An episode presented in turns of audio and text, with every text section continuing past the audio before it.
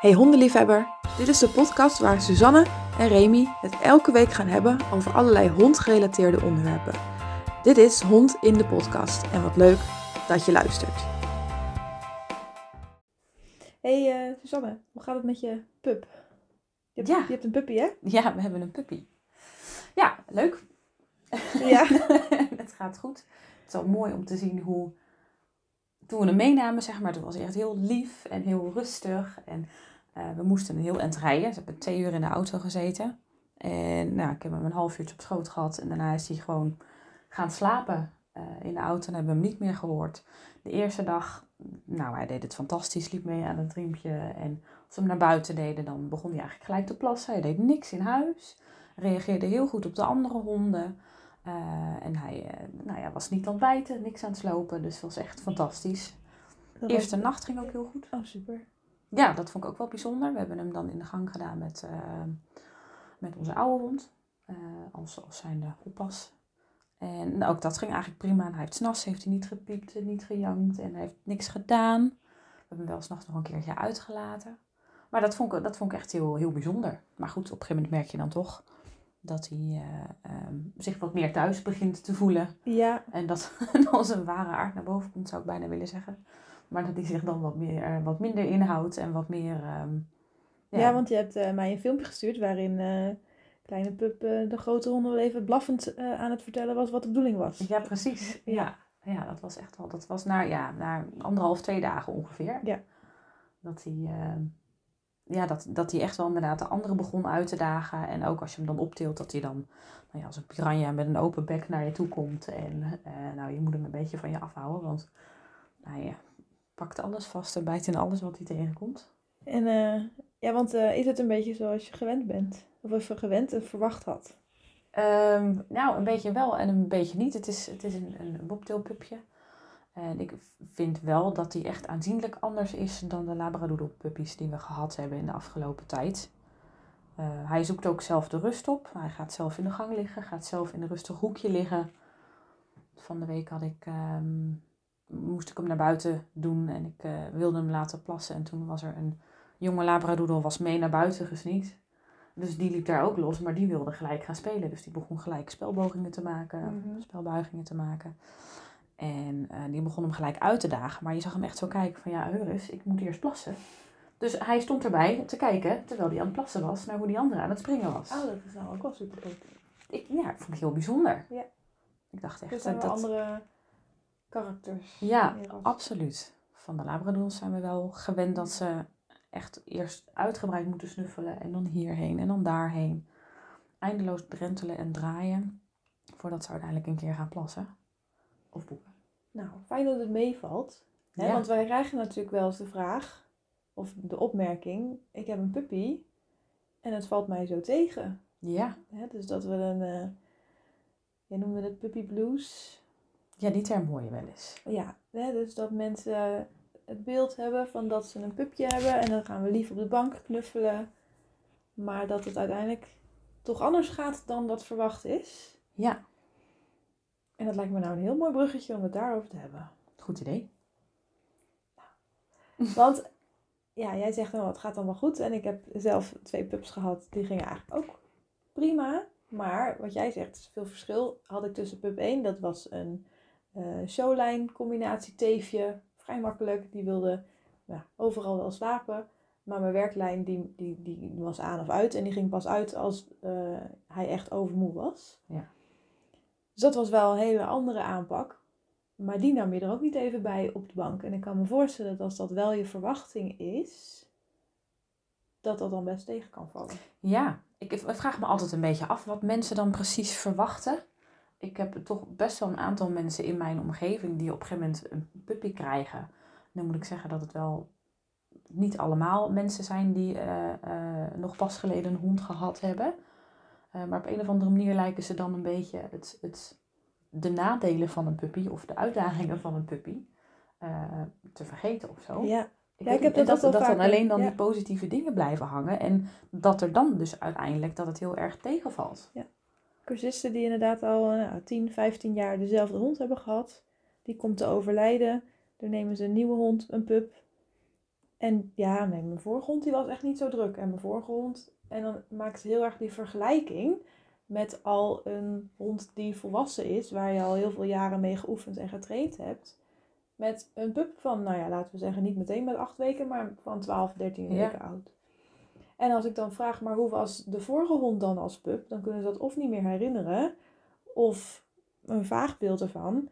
Of soms komt het toch ook wel zo van, oh ja, ja, nee, dat ging ook niet zo makkelijk. Ja. Ehm, Wat me ook wel eens opvalt, is dat, ehm, dat mensen wel aangeven te weten dat iets zo is, maar het dan toch niet zo voelen. Eh, om een voorbeeldje te geven dat ze weten van nou, hè, ik weet dat puppies veel bijten, maar vind je dit nou niet heel erg? Dat soort Ja. dingen. ja, ja. Ik denk ook wel dat eh hè, pups slapen natuurlijk s'nachts ook nog niet altijd even best. Dat daar dan ook een stukje ehm, moeheid, frustratie in komt. Waardoor het gedrag dat van de pup heel normaal is, al snel als te veel gevoeld kan worden. En zeker als je net een pup hebt genomen in een jong gezin. Ehm, kijk, ik heb dan een zoontje van 14 maanden. 15 inmiddels, gaat snel. En mijn jongste hond is 6. Dus het hele hondengedoe is allemaal al stabiel geregeld. Maar ik kan me heel goed voorstellen dat, nou ja, mijn zoon die is nu aan het oefenen met lopen. Die, die loopt de hele huiskamer door. Als daar dan ook nog een spring in het vel pup bij zou zijn, dan kan ik mij goed voorstellen dat en die pup weinig rust krijgt, ehm, maar ook mijn zoon continu aangevallen tussen aanhalingstekens Ja. wordt. Ja. Ehm, en dan zeg ik het eigenlijk al, dan komt dat echt op het stukje hoeveel rust is er in huis Ja. aan. En ik denk dat ook dat, dat mensen dat ook nog wel eens onderschatten, hoeveel rust er nodig is. Ja, dat denk ik ook. En toch het stellen van prioriteiten. En zeker als je het hebt over jonge honden in een jong gezin. eh, dan hoor ik ook nog wel eens vaak voorbij komen van ja, maar weet je, hè, ik, ik ben dan toch even met de kinderen bezig. Of moet dan toch even dit of toch even dat. Ehm, waarbij mensen denk ik ook wel eens onderschatten van, eh, ehm, weet je, het heeft wel consequenties als je eh, bepaalde keuzes maakt. Ehm, Ja, je bedoelt denk ik dat als je hè, een hond hebt en je, hij ziet dat hij moet plassen, maar je hebt even je handen vol, dat Ja. hij dan dus in de ka- kamer plast. precies, precies. Eh, en dat je dan moet opruimen. Ja. Of dat de kinderen ook druk willen spelen, weet je wel. En dat dat Ja. maakt dat de hond of dat, het, eh, dat de puppy dan erg opgewonden wordt en eh, ook begint te jipperen. Ja. Ehm, dat soort dingen.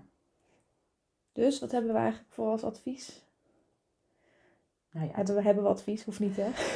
Nee, ja, ik denk dat het goed is dat, dat mensen zich echt wel heel goed bewust zijn van wat, wat haal je in huis. Eh, ook als je kijkt naar verschillende rassen bijvoorbeeld. Weet je, de ene pup is de andere niet. En ik zie nu heel mooi het verschil tussen eh, honden die van nature wat drukker zijn en honden die van nature wat rustiger zijn. Weet je, kijk je- je alleen ziet al het- als je een herder neemt of een retriever. Ja, precies. Nou ja, goed, je, de, de eh, vergelijking Labrador Bobtail. Ja.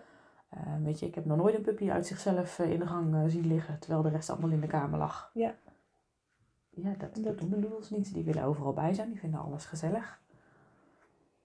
Ja. Maar worden daar ook druk van. Dus goed inlezen is denk ik belangrijk, weten wat je in huis haalt. En niet denken dat ze al kant en klaar, ook weer opnieuw tussen aanhalingstekens, bij de fokker vandaan komen. Ja. Ze zijn echt nog, echt nog puppy, echt nog klein. Alles moet geleerd worden. En ik denk ook dat mensen zich ook wel eens vergissen dat je hebt dan een pup in huis en wij houden dan op een of andere manier meteen van het hondje. Maar dat hondje dat is bij zijn veilige omgeving weggehaald. Het is bij zijn moeder weg, het is bij zijn broertjes en zusjes weg als die er waren. Bij zijn huis waar hij opgegroeid is. Ja. Hij gaat met iemand vreemd mee in een vreemde auto, wat heel spannend is. Hij moet nou ja, daarna dan eh, zichzelf maar zien te redden. En dat wij dan heel vaak al verwachten, oh, maar hij moet het al kunnen. Of hij, nou ja, dan hebben we het over weer een ander onderwerp. Alleen zijn in een bench of, Ja. of in een puppyren. Terwijl het eigenlijk best een, een heftige ervaring is, die hele verhuizing aan zich al. Ja. Ehm, en dat ze daar dan doodmoe van zijn en de eerste 24 uur lekker slapen is ook helemaal te begrijpen. Maar verwacht dan ook niet dat dan daarna de hond helemaal zijn plek gevonden heeft. Dat heeft toch echt wel zeker drie weken nodig. Ja, minstens. Goed, ik zeg altijd, ze worden vanzelf rustiger. Met een jaar of drie, vier, Ja, vijf, precies. tien. Uiteindelijk als ze Oud zijn lopen ze rustig mee aan de lijn. Komt vanzelf goed, je moet alleen geduld hebben. ja. Maar goed, dan heb je die pup dus in huis. En um, dan verwachten we er ook, dus we hebben best wel wat van. Maar we zijn natuurlijk ook heel trots op de pup die we hebben. Dus dan komt de buurvrouw op bezoek. En je moeder en je tante en je zus. En de kinderen van... Iedereen wil op kraamvisite en het liefst gelijk als die er is. Ja, en wat ik al zei, zo'n verhuizing is best wel heel erg heftig. En als er dan continu bezoek is en er wordt continu wat gevraagd van die hond, ja, dan komt het natuurlijk ook niet tot rust. En wat je dan krijgt, is als een hond, en ook puppies vooral, eh, niet genoeg rust krijgen. En met rust is niet alleen maar slapen, maar ook een plekje waar ze rustig op een bordje kunnen kluiven of gewoon ergens met rust gelaten worden. Is dat je gedrag zoals bijten of juist de hyperactieve, die zoomies, dat is vaak ook gewoon dat ze overmoe zijn, Mhm. wordt allemaal erger. Ja. Terwijl juist met een stukje management, een stukje, ehm, nou maak maar met hekjes en dergelijke, gewoon een eigen plekje voor, voor de hond. Waar die gewoon rustig zijn eigen ding kan doen.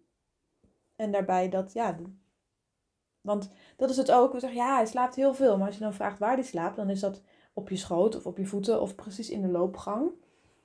Maar echt slapen doet hij dan natuurlijk niet. Nee. Dat is dan, eh, dat is dan simpelweg gewoon dutten. Maar elke keer als er iemand langskomt, wordt hij weer Wordt wakker. wakker. Ja. Dan reageert hij weer ergens op. Dus op die manier zou je al een hele hoop van die teleurstellingen, want dat is het dan natuurlijk eigenlijk. Hè? Je hebt een, een roze beeld in je hoofd van ik heb een schattig puppetje en ik ga daarmee alles doen. Ik heb echt wel eens mensen gehoord die Ja. dan ook gewoon daar zoveel last van hebben of zo teleurgesteld zijn dat ze op een gegeven moment echt denken van joh, doen we hier wel goed aan en dit is echt niet wat ik verwacht had en Ja. moeten we hem niet herplaatsen. Ehm, maar dat komt natuurlijk ook, denk ik, deels doordat er zijn heel veel mensen in je omgeving. Hè? Iedereen die vindt wat van honden. Eh, en iedereen heeft ook een mening en een oplossing. Hè? Dus als dan een keer mensen langskomen en die merken dan ook dat ehm, dat puppy veel bijt.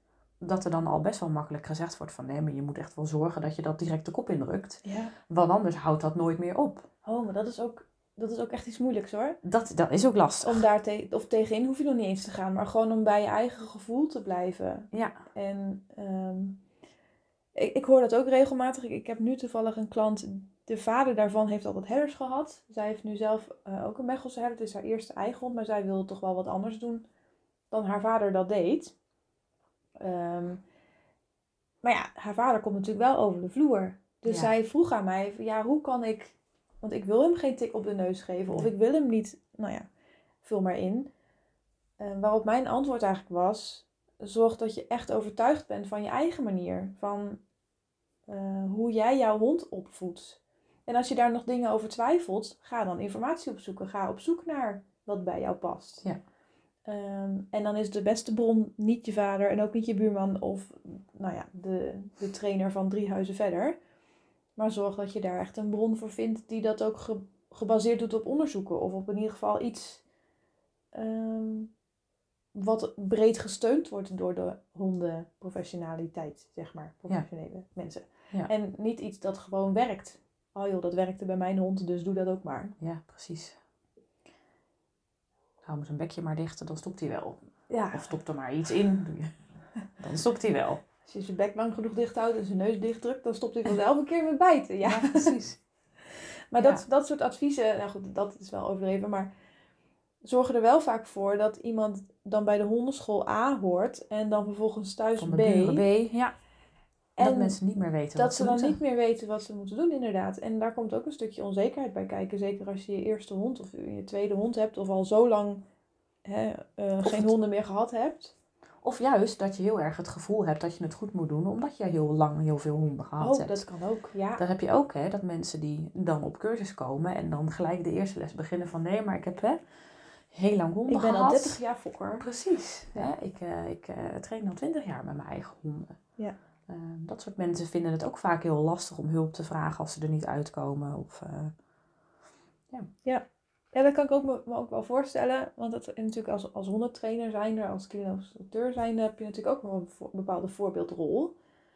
En als dat dan niet lukt zoals ik beoogd had, ehm, dan is dat best wel even een domper. Ja, ja, ja. Dus dat is ook. En het is nogal vaak zo dat het met honden niet gaat zoals je beoogd had. Nee, dat klopt. Want het zijn daarin geen robots. Dat je er een muntje in gooit en er komt een eh, kwartje uit, of noem maar.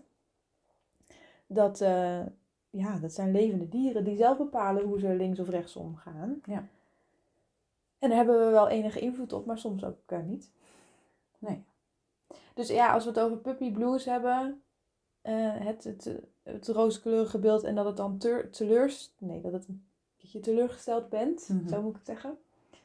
In hoe het uiteindelijk gaat. Ik denk dat het vooral te maken heeft met tijd en je hond de tijd geven en de ruimte geven om te groeien en vertrouwen te krijgen. En te leren. Ja. Ja, en ik, ik zeg eigenlijk altijd na een jaar of drie, en dat, dat meen ik echt wel, niet alleen maar als grapje, wordt het echt makkelijker. Waarom? Nee, maar dat is ook. Dan, dan zijn die eerste fases van puppy zijn voorbij, dan is de puberfase is voorbij. Dat is al wel eerder voorbij dan drie jaar, maar dan heb je daarna ook nog echt tijd om alles goed aan te leren, je hond te leren kennen. Vanaf dat moment worden dingen vanzelfsprekend. Tot, tot daartoe moet je eigenlijk alles nog aangeven, uitleggen. Niet dit, dat wel. Eh, Nou, vul allemaal maar in. Begeleiden, sturing geven. En op een gegeven moment heb je dat nou, dus een jaar of drie, drie gedaan. En dan ga je merken dat je dat niet altijd meer hoeft. En dat je onszelf de goede keuze gaat maken. Omdat hij dat al zo vaak gedaan heeft Ja. met jouw begeleiding. En dan hopen we dat je hond toch minimaal tien wordt. Hopelijk. Ja, dat zou leuk zijn. Eh, of liefst nog ouder natuurlijk. Maar dan heb je dus nog zeven jaar gewoon een lekkere huishond die meedraait in het gezin. Ja. En sommige honden hebben maar twee jaar zo int- intensieve begeleiding nodig. En sommige wel vier. En andere hebben het altijd nog nodig. Ja, klopt. Ehm, maar ik merk wel dat een jaar of drie daar wel echt een mooi streven voor is. Daar ben ik het mee eens. Nou, heb jij zelf net een puppy in huis of een hond waarvan je denkt, ik weet echt niet wat ik hiermee moet. En heb je daar een vraag over? Stuur die gerust eh, op naar ons. En dan gaan we kijken of we hem bij de volgende podcast kunnen behandelen. Eh, en ik wil je in ieder geval bedanken voor het luisteren.